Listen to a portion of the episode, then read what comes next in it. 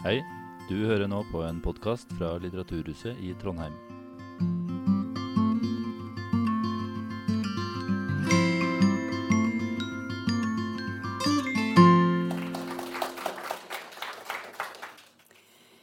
Ja, velkommen eh, fra min side òg til alle dere som er til stede. Endelig så fikk vi til det i denne koronatiden å møtes på denne måten. Og det er jo veldig hyggelig. Eh, Jeg skal bare si litt om hva, hvordan den kvelden her vil bli. Eh, Jeg skal eh, Etter at jeg bare har ønska velkommen nå, som jeg har gjort, så skal Åsmund Snøfugl, som har gitt ut boka på Snøfugl forlag, si litt om utgivelsen. Deretter så skal jeg vise noen bilder fra boka som, som da kanskje gir et sånn innblikk i hva det her handler om. Eh, dernest så skal jeg samtale med Haldis Nergård, tidligere journalist i Adresseavisa, eh, om denne boka. Etterpå så blir det pause. Eh, og så avslutter vi etter pausen med kommentarer, spørsmål, diskusjon om det vi har tatt opp. Eh, når det gjelder tidsramma her, så blir det pause klokka halv ni. Så da tar vi ti minutter, og så tar vi da kommentarer og diskusjon etterpå. Og så er det da eh, anledning til å kjøpe boka. Og hvis dere vil ha en dedikasjon fra forfatteren, så går det fint. Koster litt ekstra, det. Ja, og da gir jeg ordet til Åsmund fra Snøfugl forlag. Vær så god, Åsmund. Det har vært trivelig å ha hatt et samarbeid med Astrid Holm om denne boka. Det er imponerende hvor mye interessant stoff hun har samla inn. Og det, jeg vil tro at for leseren er det veldig lærerikt og nyttig, den informasjonen hun kommer med. Grundig arbeid. Astrid er en entusiast som har fått ei bok som er verdt å lese. Um, og boka, tror jeg, vil bli en, en vekker for ja, det, det er interessant, og det blir en vek, eh, vekker for politikere. Kanskje litt skremmende òg, men det er ganske nyttig. Jeg vil gratulere deg, Astrid, med boka, og takke for et hyggelig samarbeid. Tusen takk. Må vi Vi kan ikke kline nå, altså. Tusen hjertelig takk, Åsmund. Det har vært veldig hyggelig og flott å samarbeide med deg òg. Og at eh, du, du Åsmund holdt på å trappe ned virksomheten, men han tok meg inn i varmen og har hjulpet meg med å få ut denne boka, og det er jeg veldig, veldig glad for. Tusen takk.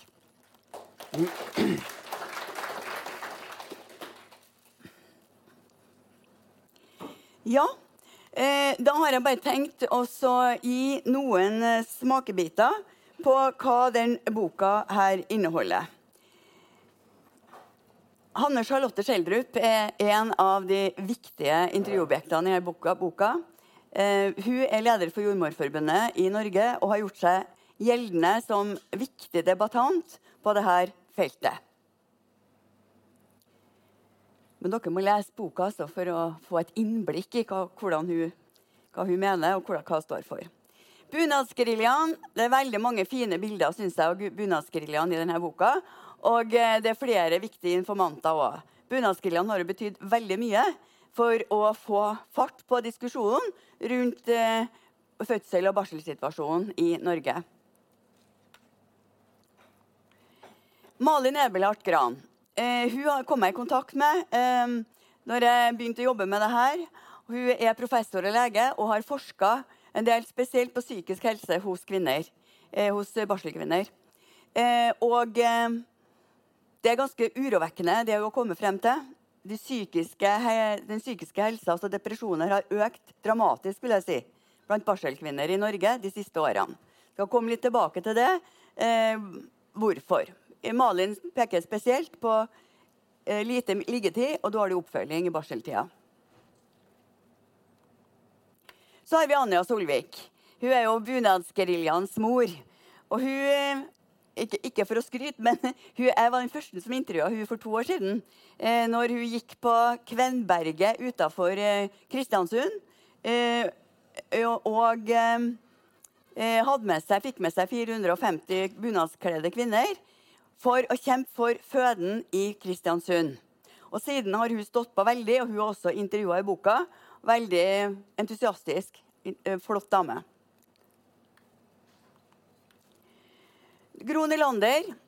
Eh, Ammeguru har jeg kalt henne, men det er klart hun, det er jo litt sånn popularisert benevnelse. Hun har jo vært eh, fødselslege i årevis, men hun jobba jo veldig på 70- 80-tallet for at kvinner i Norge skulle amme.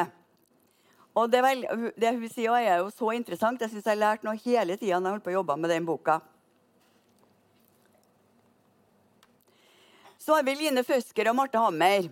Eh, de er representanter for, for Sandnessjøen, altså bunadsgeriljaen i Sandnessjøen. Og hadde det ikke vært for at også damene, men også mennene så Det ble en veldig tverrpolitisk enhet om å bevare Sandnessjøen sykehus. For noen år siden så hadde ikke det kommet til å bestått i dag, men det gjør det. Og det er en av de beste fødsel- og barselavdelingene nesten i hele landet. I 2019 så ble de kåra til den beste avdelinga i hele Norges land. Og Her er en stilig aksjon. Her står de på Helgelandsbrua. De som ikke har vært i Sandnessjøen og sett den, altså, det anbefales i tillegg. da sto de der 150 stykker. Og så var det ei, en sånn aktivist som var veldig opptatt av å ta bilder. Hun var under der, så tok hun bildet nedenfra og opp. Og så har vi Lena Yri Engelsen. Hun er leder for noe som heter For 1001 dager i Norge. Det er en nyoppretta organisasjon eh, som da jobber spesielt for å se på, eh, se på um, uh, hele forløpet fra eh, fra svangerskap til, til, fødsel og barsel, og til barnet er to år. Det er en viktig organisasjon og som spesielt jobber for, med psykisk helse for barselkvinner. Så har vi Tegnehanne.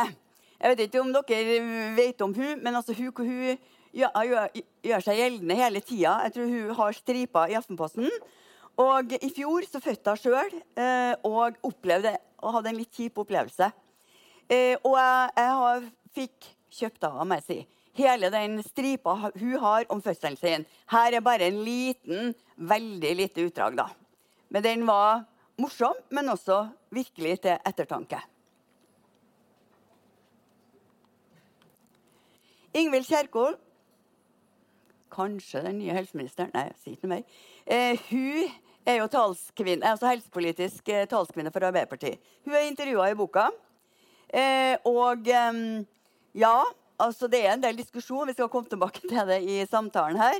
Men altså, hun er opptatt av at fødsel-barseltilbudet nå må bli forbedra.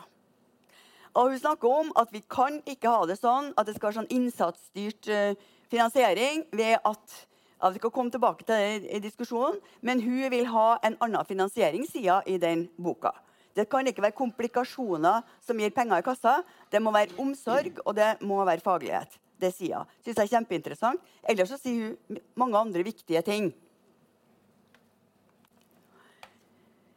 Kjersti Toppe, eh, viktig dame, syns jeg. Hun er for Senterpartiet og har gjort seg Hun, hun sitter i helse- og omsorgskomiteen i Stortinget. Eh, hun har vært med i debatten veldig mye rundt dette området her. Og hun er jo veldig opptatt av at foretaksmodellen som vi skal snakke litt mer om, må bort. I tillegg så har hun født seks barn sjøl. Så når jeg intervjua, så sa hun i, i tillegg, Jeg har jo interessert meg for dette lenge, og så har jeg jo litt erfaring, da, for jeg har jo født seks barn selv. Sa hun litt sånn ydmykt. Å ja, se. Og i tillegg så ble jo jeg også født i en ambulanse sa Kjersti Toppe. Det er kanskje derfor jeg er så veldig opptatt av dette området. Men les hele intervjuet med henne. Det er kjempeinteressant. Da er vi ferdig med det, og da skal Hallis har sagt hva, hva at hun um, er da eh, tidligere journalist i Adresseavisa. Uh, hun er feminist, og hun har interessert seg for dette området. Det er derfor jeg vil at da Haldis skal være min samtalepartner her i kveld. Ja. Takk for at jeg får være her, Astrid. Det var nei, en ære. Jeg syns det er en flott bok, og anbefaler alle å lese den. Altså, det er læring fra, fra forordet og helt ut. Astrid er jo en travel dame, så det er bare så vidt hun rekker innom her, tror jeg. Hun I forgårs var på Arendalsuka og mingla med de eh, fremste der. Og hadde mye å by på. Eh, de fleste her vet hva, kanskje hva Astrid har holdt på med før, men jeg har med huskelapper, for det er så mye, vet du, så jeg må jo skrive det opp. Hun er kjent som aktivist og aksjonist, feminist, bystyrepolitiker hun har skrevet flere bøker. Hun er pensjonert høgskolelærer. Hun er mor og mormor og oppdrar sine barnebarn i demokrati, har jeg hørt. Så det er lovende. Det vokser etter henne på mange felt. Men når jeg begynner her i dag, da, så lurer jeg jo på hvorfor i all verden orker du å gå i gang med det her? Det er flere som begynner på bøker, men de blir jo aldri ferdig. Ja. Hvorfor vil du det her? Du har jo bra pensjon og kunne ha tatt det med ro. Ja. Altså, jeg har diskutert mye med meg sjøl, for jeg bruker å snakke med meg sjøl. nemlig. Og da har jeg, har jeg, sagt ja, men Astrid Holm, hvorfor skal du skrive den boka her? Du er 70 år. Altså, Du skal ikke føde flere barn. Altså, det, ja. Men altså, det, det, det, som jeg, jeg prøver å beskrive litt i begynnelsen av boka, hvorfor har jeg liksom hatt et engasjement for det her med fødsel? Og da må jeg jo egentlig gå litt tilbake til mine egne fødsler, og dem var egentlig veldig normale. Men jeg tenkte når jeg lå der og fødte, at dette er jo ikke normalt. Jeg tenkte ja, men herre, her går det jo ikke an å, å, komme seg gjennom. tenkte jeg. Men så var det jo så fantastisk når du fikk det barnet. Eh, og eh, jeg tenkte jo òg da at eh, Ja. Eh, nei, jeg ble veldig sånn ydmyk, men jeg ble veldig stolt over å ha gjort det.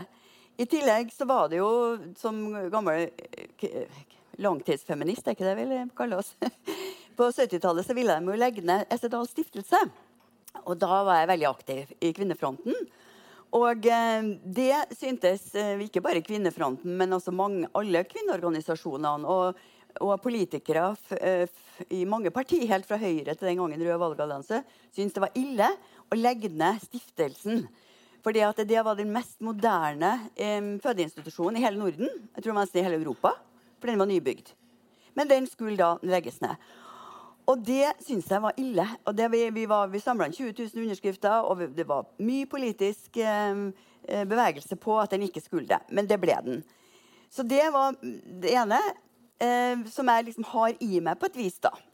Men det er klart at det, det her med, der, med fødselsøyeblikkene og alt det her altså, altså, eh, Når folk, vi begynner å tenke over det, vi har jo tenkt over det, kvinner har jo tenkt på det i alle år. ikke sant?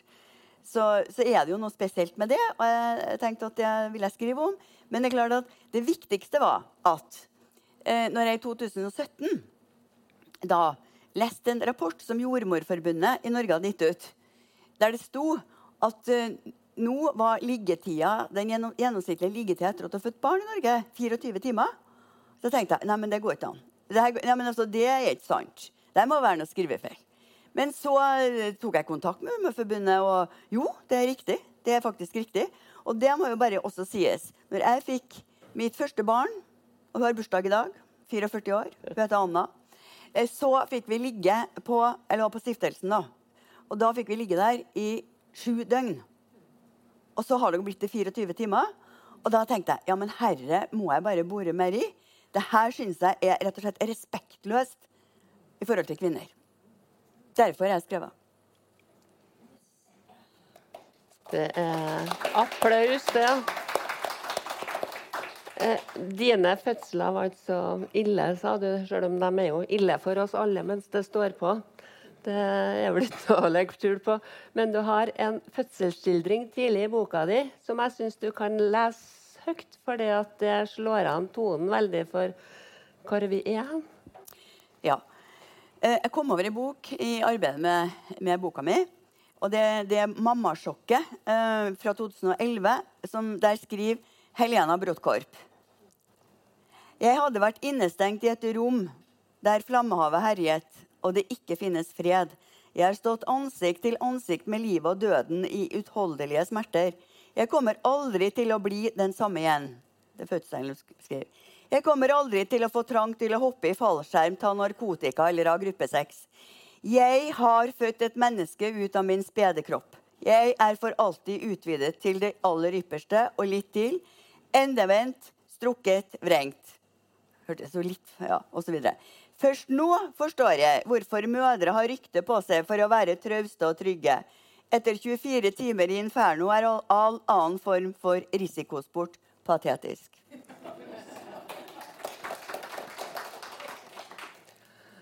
Eh, eh, er en av flere boka som fikk fødselsdepresjoner etter sin fødsel. Du kan jo si litt om det, og kanskje om den eh, Landsforeningen 101 dager, som òg er opptatt av det samme. Ja. Um, ja, den um, Landsforeningen er 1001 dager, da. Den består av du går melde seg inn der, men det er mye fagfolk. Det er psykologer, det er leger. Eh, det er ja, jordmødre og, og aktivister, egentlig også. Og Bakgrunnen for det her, det er jo det som er nevnt i sted. Hun, hun, Malin Eberhardt Gran, professor lege, som har forska på det her, og har funnet ut at 15-16% får faktisk ganske alvorlige depresjoner etter en fødsel, altså barseltid. Og, em, og det mener hun altså Det har jo gått opp, i hvert fall i den grad vi har oversikt. Em, og em, i 1001 dager de har da gjort, eh, tatt kontakt med, med folk i England, fagfolk der. Eh, for der er det noe som heter for um, 1000, 1001 Critical Days. Eh, de jobber nå målretta for å se på helheten i forløpet. Altså svangerskap, fødsel og barsel. Og har laga til i det offentlige helsevesenet et system hvor det blir fulgt opp før, under og etter fødsel, og også i barseltida, på en, på en faglig og veldig, veldig bra må måte, sånn som de fortalte. Og det er jo veldig, veldig viktig. Um, og det er jo sånne ting jeg tenker vi må få en diskusjon på i Norge også. Uh, at det blir en kontinuitet, at det, det, det blir en eh, helhetlig oppfølging av fødsel- og barselkvinner. Eh, Fødsler er jo aktuelt nå. Det har vært opp. Klassekampen har jo skrevet en hel del eh, fra forskjellige vinkler. og det Inn i valgkampen til dels. Du, du bidro jo i Arendal sjøl. Eh, hvorfor er fødsler så viktige da, å snakke om? Ja, men jeg mener altså, det er jo, altså, Hvis det slutter, så er nå på en måte hele greia avslutta på et vis. Ja, jeg mener altså, altså Man kan kalle det én, to eller sånn og sånn, men jeg mener det reproduksjonen er jo egentlig er det som er motoren da, for, å holde, for å holde på her. Eh, det er helt grunnleggende, tenker jeg. Og det er jo derfor jeg mener at eh, en sånn Ja, men altså, det kan vi altså Det å føde, det, det er jo for så vidt normalt. Men det er sånn som Sånn som eh, Malin Eberhard Gran sier, du bruker like mye, um, mye kalorier under en fødsel som å sykle under, eh, som å sykle Trondheim-Oslo eller under en maraton. Eh, så det her er jo en bragd. Altså, det er jo Vi greier det, ja. Eh, men, men, men derfor så mener jeg at det er ikke liksom å diskutere nå at vi skal ut Eller ikke vi, da, for jeg skal ikke føde. Men, men altså at kvinner skal ut etter seks-åtte timer etter en fødsel. Jeg mener det er, det er så Jeg skjønner ikke vi har, hvordan vi har kommet dit. Og, og det er åpenbart at du må jo ha ro, fred. Nå sender de ut altså førstegangsfødende eh, før melka har kommet i gang. Før ungen eventuelt har fått nok vektoppgang. Dette har vært helt ABC innenfor fødselsomsorgen i Norge i alle år. Og det her holder vi på med nå i 2021. Jeg syns det er Nei, nei, jeg skjønner ikke. Jeg, jeg, jeg er bare helt lamslått omtrent. Det må bare gjøres noe med. Og, og, og alle vil jo ha barn. ja, ikke sant? Vi, og ja, men vi må jo ha flere barn. Altså, altså jeg bare sier vet du, at Det er 55 000 som fødes da hvert år i Norge. Det har gått litt ned. ikke sant? Og det går diskusjon på. Altså, Det syns ikke jeg er så viktig. Jeg syns faktisk at for de 55 000 som føder, så er det for dem nå. Det er jo det, Hvordan er forholdene? Det burde vært absolutt det viktigste vi diskuterer. Og går det opp eller ned litt, og så, ja, ja vel, OK. Men eh, det er forholdene og, og konsekvensene av det å få barn. Og hva gjør vi med det, som er det, det aller, aller viktigste, tenker jeg også. Jeg hadde jeg driver litt research her jeg nå. Jeg var til frisøren på mandag. Jeg skulle jo hit, så jeg måtte jo style meg litt og stripe. Ja. Så jeg hadde en ung eh, frisør fri, eh, som jeg fortalte hvorfor jeg ordna håret. da. Så hun ble veldig interessert, for hun hadde to eh, tvillinggutter på to år. Og hun uh, hadde, er i den boomen alle venninnene får barn nå. Da, altså, det var flere som har fått barn bare i sommer. Og hun sa at uh, flere av dem ble spurt omtrent på fødestua når de ville reise hjem igjen. Så sa det jo helt sprøtt, for når du er helt uh, ny, nyfødt, så er du jo så full av adrenalin at du tror jo at du kan makte og orke alt. Og så, så sier de vel noe om når, når du, folk, altså helsevesenet får kritikk da, for at folk blir sendt hjem for tidlig, at ja, men de vil det jo sjøl. Det er litt Er det helt sant, det? Ja. Og det, er, det jeg har lest nå uh, i dette arbeidet med boka, så, så står det, det mange, mange plasser at ja, men uh, førstegangsfødende vil reise hjem osv. Men når det ikke er plass til deg i herberget, så når du ikke er velkommen Du vil jo heller reise hjem enn å ligge på bøttekottet, for å si det rett ut. Vi har gjort det noen da. Ja. Altså, når du ser at du må ligge i gangen altså det, det er ikke rom for det rett og slett i herberget, så, så vil du hjem. Eh, men en førstegangsfødende, før liksom du, du, har kommet i gang med, med melka, alt det her, altså en vet jo ikke helt hva man går til. Og jeg tenker også sånn Hvem var det som sa det? Jo um, jo, ja. ja. Nei, altså Jeg som har født for tredje gang, så jeg hadde jo veldig behov for å, være, for å få omsorg, stell og pleie etterpå min tredje òg. Så det her med å Når du blir spurt liksom, i, liksom, i hormonrusen Hva vil du nå? 'Jeg vil hjem, jeg vil hjem.' ikke sant? Altså, Det er jo helt tullete. Jeg mener, det, det, det, går ikke an å ta på alvor, altså.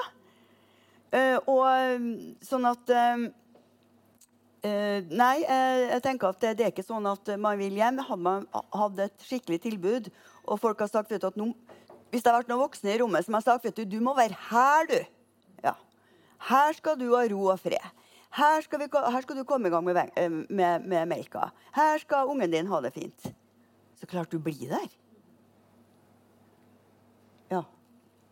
Og det er vel noe med å få en god førsteopplevelse ved første fødsel òg. Vi skal vel helst føde flere barn, ifølge Erna. Så hvis førsteopplevelsen er god, så er vel sjansen for at man prøver det en gang til, større òg. Ja, det er litt både òg, tror jeg. Ja, ja. ja. Det er ikke noe fødepress vi skal legge på noe her. Men, men, bare for å si det, da. At ja. den litt sånn eh, inferno-opplevelsen som, som, jeg refererte først her, um, hun fikk tvillinger etterpå. Bare så det er sagt. Ja, ja. vi har hva, Sa du noe om det her med transportfødsler? Var vi innom det? For det, det bunadsgeriljaen er jo veldig opptatt av det. og og det er jo en del statistikk og tall, sånn som Poppe, som sjøl er født i bil, og var, eh, forteller jo en del om hva livredd hun var for å føde i bil sjøl. For det er jo litt arvelig hvor kjapp føder man er. Så det, du skal vel ikke mer enn Du kan jo si litt om det. Hvor, mm. hvor lang avstand er tilrådelig til fødestedet? Mm. Ja, um Bunadsgeriljaen eh, fikk jo veldig oppsving bl.a. fordi at, eh, at mange føde, lokale fødesteder eller lokalsykehuser har lagt ned både akuttfunksjon og fødefunksjon. Og det er jo forska noe som heter Hilde Engjom. Eh, hun er lege, jeg tror jeg er professor òg. Hun har forska på dette her med hvor lang reisevei eh, er tilrådelig. Eller altså Men vil si, over én time så er det mye mer risikofylt eh, da å føde i en ambulanse eller på vei til, til, sykehuset. Risikoen for å føde underveis øker, altså femdobles hvis du har mer enn en time ja. fødevei. Og bare i Trøndelag så er det jo fryktelig mange som har mer enn det. Det er veldig mange som har mer enn det. Og i Kristiansund, altså utgangspunktet der var jo bl.a. at uh, at den veien der når du legger ned Kristiansund, og du snakker om øyene utafor, og de skulle dra til Molde, eller noe sånt, så ble det en to-tre timer. ettersom jeg forstod. Og det er situasjonen for ganske mange nå, uh, nå i dag. Um, så det er det som har da vært uh, et substitutt for det her, det er jo en følgetjeneste. Og det er det at i ambulansen så skal du ha med jordmor. Uh, og det er alle på Stortinget enige om. Det er bare det at gjennomføringa av det her har jo ikke vært bra nok. Eh, veldig mange oppe i Finnmark har ikke fått eh, følgetjeneste på den måten. Og det har skjedd mange plasser. Det sier jo nå hun, hun Kjerkol at det må vi virkelig gjøre noe med. Så um, om det blir det, det er en annen ting. Men det er klart at det er veldig viktig nå å bevare de lokalsykehusene vi har, tenker jeg da.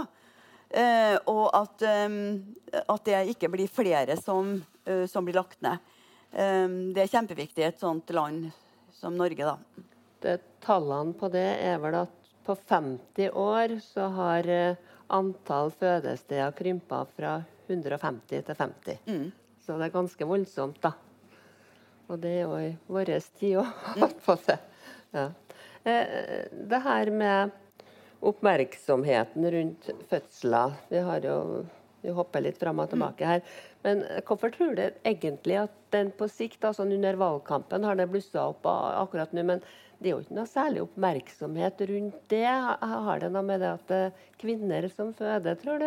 At eh, det har vi jo alltid gjort, da, med vekslende hell. og Noen ganger går det bra, og fleste ganger går det bra. Men det behøver ikke det. Altså, Jeg tror at det har noe med at det er det andre kjønnet, eller det at det er kvinner som føder. altså. Jeg vet ikke om det har blitt så veldig mye mer unger hvis menn skulle ha født. Jeg må si det. Eh, nei, nå er jeg litt flåsete. Men jeg tror at det har vært andre ordninger. Ja, Men det er jeg helt sikker på. Altså, Nei, de har jo ikke funnet seg i det her. Uh, så, men så har jeg tenkt, da, i og med det at kvinnebevegelsen og veldig, Det var veldig mye diskusjon rundt liggetid og fødselstilbud og sånt nå i på 70-80-tallet. Det var ikke bare i Trondheim, det var rundt omkring. Eh, og da tenkte jeg egentlig, Har kvinnebevegelsen sovet i timen? Altså Har det bare gradvis blitt sånn? Det har ikke vært noe offentlig debatt. ikke sant? Og, og så har det jo vært en del som har vært bra òg. Vi fikk jo fødselspermisjon som har vært mye lengre. Barnehagesituasjonen har jo forandra seg og blitt mye bedre enn på 70-80-tallet, når, når sånne som jeg holdt på. Men jeg må si, ja, jeg forundrer meg. Jeg undrer meg fortsatt over det. At det, det har gått så langt som det har gjort. Uten at, det har blitt mer offentlig debatt. Jeg kan ikke si noe mer. Så det her, du, du syns at eh, det av hensyn til dem som føder Du vil ikke henge deg opp noe særlig i, i det her at fødselstallene i Norge går ned, forstår jeg. Men eh, det er jo interessant, det òg, da.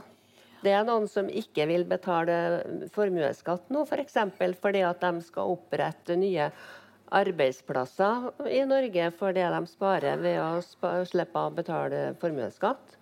Men hvem er det som skal fylle de arbeidsplassene da, hvis det ikke fødes så veldig mange flere barn? Her? Ja, Det der syns jeg kanskje er en litt større diskusjon, da. Men, men jeg vi, vi har jo Det handler kanskje litt om skikkelige arbeidsvilkår. Men altså, jeg skal ikke føyse av det at, eh, at fødselstallet har gått ned, for det har det gjort. Eh, Det har det. Og det kan være noe med å være i arbeidslivet, ha flere barn. Eh, Hvilke arbeidsvilkår møter f.eks. kvinner på deltid? Eh, finansiere, altså flere sånne ting som en også må se på der, da. I forhold til at fødselstallet har gått ned. Og så kan det ha, ha noen ting med eh, forholdene rundt fødsel, barsel også. Mm. Vi har eh, vært gjennom eh, ganske mye nå, altså. Men jeg har jo et langt, langt ark her. Så vi, vi, vi har eh, så vidt nevnt foretaksmodellen. Er det noen her som har god greie på den, eller ja, Det er ikke noe enkelt, men vet dere hva det er? Foretaksmodellen som eh, sykehusene eh, opererer etter. Du kan jo forklare oss det, du, Astrid. Ja, altså, jeg har et, jeg har et um, avsnitt om det i, i denne boka. og jeg kan jo gå dypere ned i det, men altså, hovedsakelig er det at, eh, at sykehusene har blitt mer butikk. Og det, det er jo forretningsmodell istedenfor forvaltningsmodell. Det ene er jo bl.a. at eh, sykehusene nå eh, styres jo Det skal jo styres av Stortinget, sier dem. Men det er jo da foretaksstyrer som gjør det. Et eksempel var jo nå når Stortinget bestemte at, at, at fødsel- og eh, fødsel-barselavdelinga på Kristiansund sykehus skulle bestå. Det hadde de en diskusjon på i januar i fjor. Eh, Det ble flertall for det, men foretaket gjennomførte ikke det. Og så sier de, sier bl.a. Kjerkol ja, men da må, da må ministeren inn og si fra. Og Høie sier jo jeg, jeg har sagt fra. Han har sagt fra. Men altså poenget er at, at dette er jo ikke underlagt noen politisk kontroll.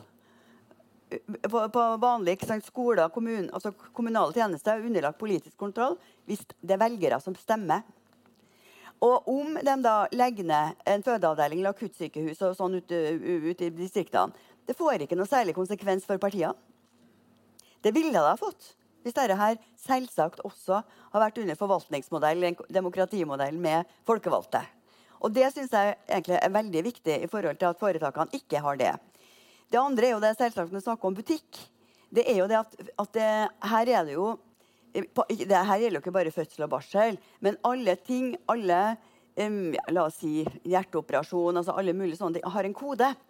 Og så får foretakene en viss eh, pengesum etter hvordan kode du har.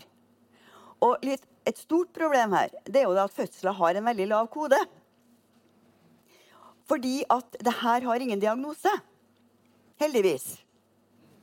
Men hvis det blir en diagnose Her står det vi har for eksempel, Hvis du blør 500 ml pga. at det har blitt komplikasjoner, så får faktisk foretaket mer enn om ei jordmor bruker tolv timer mer til å unngå rifter og sår, og, og vi kommer gjennom det. Det gir ingen penger i kassa. Eller det gir veldig lite penger i kassa. Fordi det er omsorg, har ingen diagnose. Og det her mener jeg er litt av virkelige kjernepunktet, altså. At det her går ikke an. Um, og det her er mange, mange som diskuterer nå. Um, ja. Så, så, hvis uh, en mor og et barn blir såpass uh, dårlig behandla på sykehuset at de sendt hjem for tidlig, og, og barnet får gulsott eller noe er dehydrert, og, og det kan jo bli sent oppdaga hvis man er førstegangsfødende og ikke er særlig vant, og mor og barn må reinnlegges, så da Da kan det bli mer penger i kassa. Ja. For da kommer du inn, og der blir det en gulsott, eller altså det er rett og slett noe medisinsk som er på koden. Da får foretaket faktisk mer. Og det er sant, altså. Og, og det er klart at det der, det der, det der En fødsel og det, det ja, ja, ikke sant? Det tar tid. Det, det, må jo ta tid også. Og som sagt, det at du det, Og de, de vil jo ha deg ut med en gang.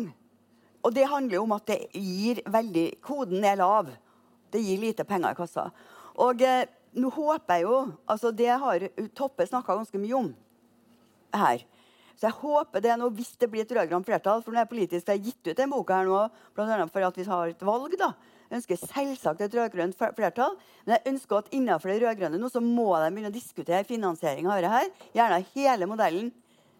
Eh, og, og hun, hun, hun eh, Kjerkol sier jo det nå, at hun ønsker i hvert fall en rammefinansiering der du, der du tar høyde for både omsorg og helheten på barsel-fødsel-sida. Og Senterpartiet sier at de vil det. Um, SV er veldig klart på dette. De vil egentlig ha en, uh, uh, bort med foretaksmodellen. Uh, Rødt er klart på det.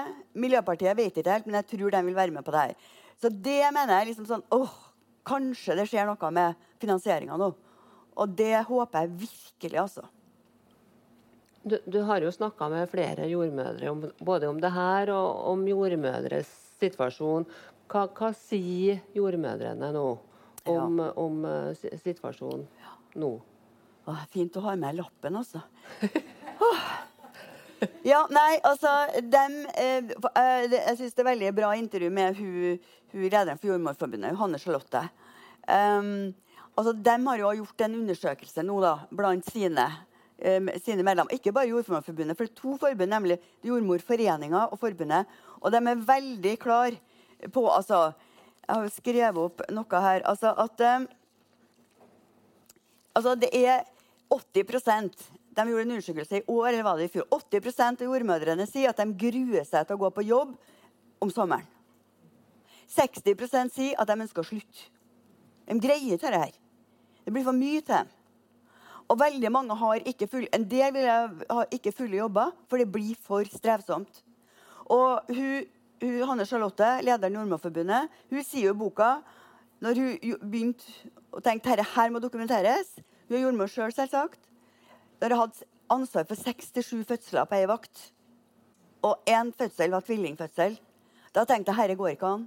Dette må vi dokumentere. Dette må forbedres. Og det mener jeg altså. Det må også gjøres noe med. Eh, det må andre arbeidsforhold til for jordmødrene. Eh, selvsagt ja, andre forhold, og de må rekruttere mange flere. De må utdanne mange flere. Det har foretakene sagt at de skulle gjøre. Det har ikke skjedd. Men det sier nå Kjerkol Arbeiderpartiet sier at det må vi, og mange flere at vi må det. Så jeg må jo følge med, bare. Men det er et veldig, veldig viktig tema. Også, for vi trenger mange flere. Vi trenger flere på sykehusene. Og nå er det kommunene skal rekruttere flere. Og det som har holdt på å skje nå, det er jo at det blir privatisering. Med ultralyd osv. Mange oppgaver som skal gjøres nå. Det er ikke nok, men mange begynner i private. Og der er det bedre lønninger, og ikke alt det maset og peset som de har i det offentlige. Så det her er en kjempeviktig oppgave å ta ut for det rød-grønne flertallet, som jeg håper og tror at det blir. da. Det virker jo òg som det er en maktkamp på sykehusene. Her, det var jo en eh, sak eh, fra Trondheim eh, tidlig på sommeren om at jordmødre fikk vakter på en halv time at, og det ble tolka som om det var en sånn eh, straffereaksjon fordi at de ikke har vært villige nok til å gå inn på noen systemer som var lagt opp for dem. Så, så at det er noen kamper som føres internt på, på sykehusene, er vel ikke noe tvil om at jordmødrene trenger all den støtten vi kan gi dem. og det, ja, Vi er på lag. Det var det jeg må si. Vi er absolutt eh, på lag. Og det er jo ikke noe sånn at de går ut imot uh, sykepleiere og leger. Altså, det, er jo ikke noe sånn, ja, det er jo litt kamp, men, men jeg tenker at de har vært uh, ganske flinke til å si fra. Men det er jo fordi at det har vært veldig ille òg, da. Uh, og bare en sak Du begynte jo Vi, vi snakka litt om dette med sommerstenging. Jeg hadde et innlegg i Adresseavisa for noen uker siden her. Og um, um, Altså, sommerstenging er det jo ikke, men du, hold, men du nedskalerer veldig på sommeren. Eh, og de har jo stengt ute i distriktene, så har de jo stengt avdelinga. Så du må jo da ferde fem til sju timer. Du må jo rett og slett ta med campingvogn og være på stedet i 14 dager. Ja, nei, men Det er litt sånn, det er helt tullete. Og da så jeg på, på, statistikken på SSB. Er det sånn at det fødes færre barn da? Kanskje på sommeren? De siste 20 årene, damer og menn, så har det vært altså en topp i juni og juli. Og det er da du legger ned alarmberedskapen. Og da skrev jeg bare Ja, vi ja, altså, skulle ha lagt ned liksom brann, redning, ditt og datt. ikke sant? Vi, jeg legger jo den der. Og, og, altså, det, er, det er jo en sånn altså, Hva slags planlegging? Hva skal en finne seg i? Og det, ja, det er jo damene som føder, men også den som jobber der, selvsagt. De gruer seg. De blir sikkert sykemeldt òg. Maktirt. Og den som har holdt på i gamet lenge, orker ikke det lenger. Så det der må vi bare ta i tur med, altså helheten i det. Det er vel litt snakka om at de erfarne, drevne jordmødrene nå søker seg ut, nå, så de som er igjen på fødeavdelingene, er litt yngre og litt mindre erfarne. da. Ja. Det. Og det er jo ikke så rart når du har holdt på i bransjen i 20-25 år. altså Du er litt sånn utslitt. Mm. Um, men det er, en, det er, en, klar tendens. Det er jo ikke noe sånn negativt å si om de unge. Men det er klart at det er fint at det er en del med erfaring på sykehusene våre eh, og på alle plassene. Det er klart. Så, så det her eh, må nå eh, politikere ta i tur med. Og jeg tror det er viktig med også sånne som oss eh, at vi, at, vi, sier fra. Viktige politiske spørsmål. Mm. Det er jo noen problemstillinger her. Vi er, vi er jo feminister og, og, gjør vel kanskje det andre kjønnet litt urett iblant, kanskje? Gjør vi det? Nei, det gjør vi ikke. Nei. Men eh, det er jo ikke noe tvil om at eh, helsevesenet og sykehusvesenet er ganske hierarkisk av seg. Jeg har, har det her fra nokså internt hold, da, fra familie som holdt til der av og til. Eh, og, og dem som er, har jeg hørt, da, jeg vet ikke om det stemmer, at det er kanskje sånne hjernekirurger som er øverst i hierarkiet. Stemmer det? Eller hjertekirurger, muligens. Mm. Og, og, det er vel en viss overrepresentasjon av ett kjønn blant dem, vanligvis. Kanskje, sånn som jeg tror. Så, og, og, at uh, barsels- og føde- og barselsavdelingene det er et uh, tilbud for kvinner, og det er veldig stor andel kvinner som jobber der. Så Da legger jeg ballen opp til deg. Ja. her. Ja, nei, altså, Jeg tror jo helt sikkert at det handler om det òg. helt åpenbart at det handler om det. Uh, fordi at det, der, det er jo hierarkiet. ikke sant? Fødsel, barsel er jo kanskje nederst på hierarkiet. Ja, eller på, ja det, det er jeg ganske overbevist om. Men Jeg har ikke skrevet noe mye om det i boka mi, men altså, jeg er helt sikker på at det, er jo bare konspirasjoner her. Ja, ja. Ta være på. Ja, nei, eh, Det kan du kanskje under debatten andre svar på. eller? Men eh, det tror jeg helt sikkert. Mm. Eh, eh, Jeg snakka jo ganske lenge med frisøren min her om dagen. Det tar tid å stripe hår. Så, så, så jeg spurte litt om hvordan det var å være mor til to på to. Og, og, det, er jo, det er jo dyrt på mange. Det er mange omkostninger ved å føde barn. Det er fysisk og psykisk, og det er også økonomisk. da. Hun betaler 6000 hun for øh, barnehageplass til to unger nå på Byåsen. Og så går hun, har hun gått ned i stilling for å ta seg av de to små eh, ungene sine. Hun hadde jo en mann også, som sponsa dem, selvfølgelig. Men altså så det, det er jo ikke akkurat noe Du blir ikke honorert på noen måte ved å sette barn til verden. Det er jo så dyrt. Så, så det, jeg skjønner jo om noen tenker seg vel og lenge om og vil bli godt voksen og komme i godt betalte stillinger før de eh, satser på det her å produsere barn. Vi begynte vel litt vel tidlig, kanskje, begge to.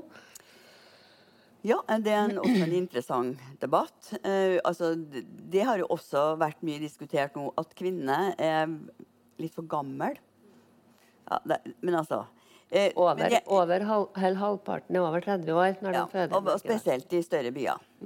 Men, men altså, nå er det jo også sånn at eh, ja, kvinner har utdanning, vil gjerne prø altså, være i arbeidsliv um, osv. Så, videre. så jeg mener det, det eh, det har vært egentlig mange som har sagt at hvis forholdene hadde vært bedre, la oss si under studietida, lettere og sånn økonomisk, da lagt til rette for at eh, flere studenter f.eks.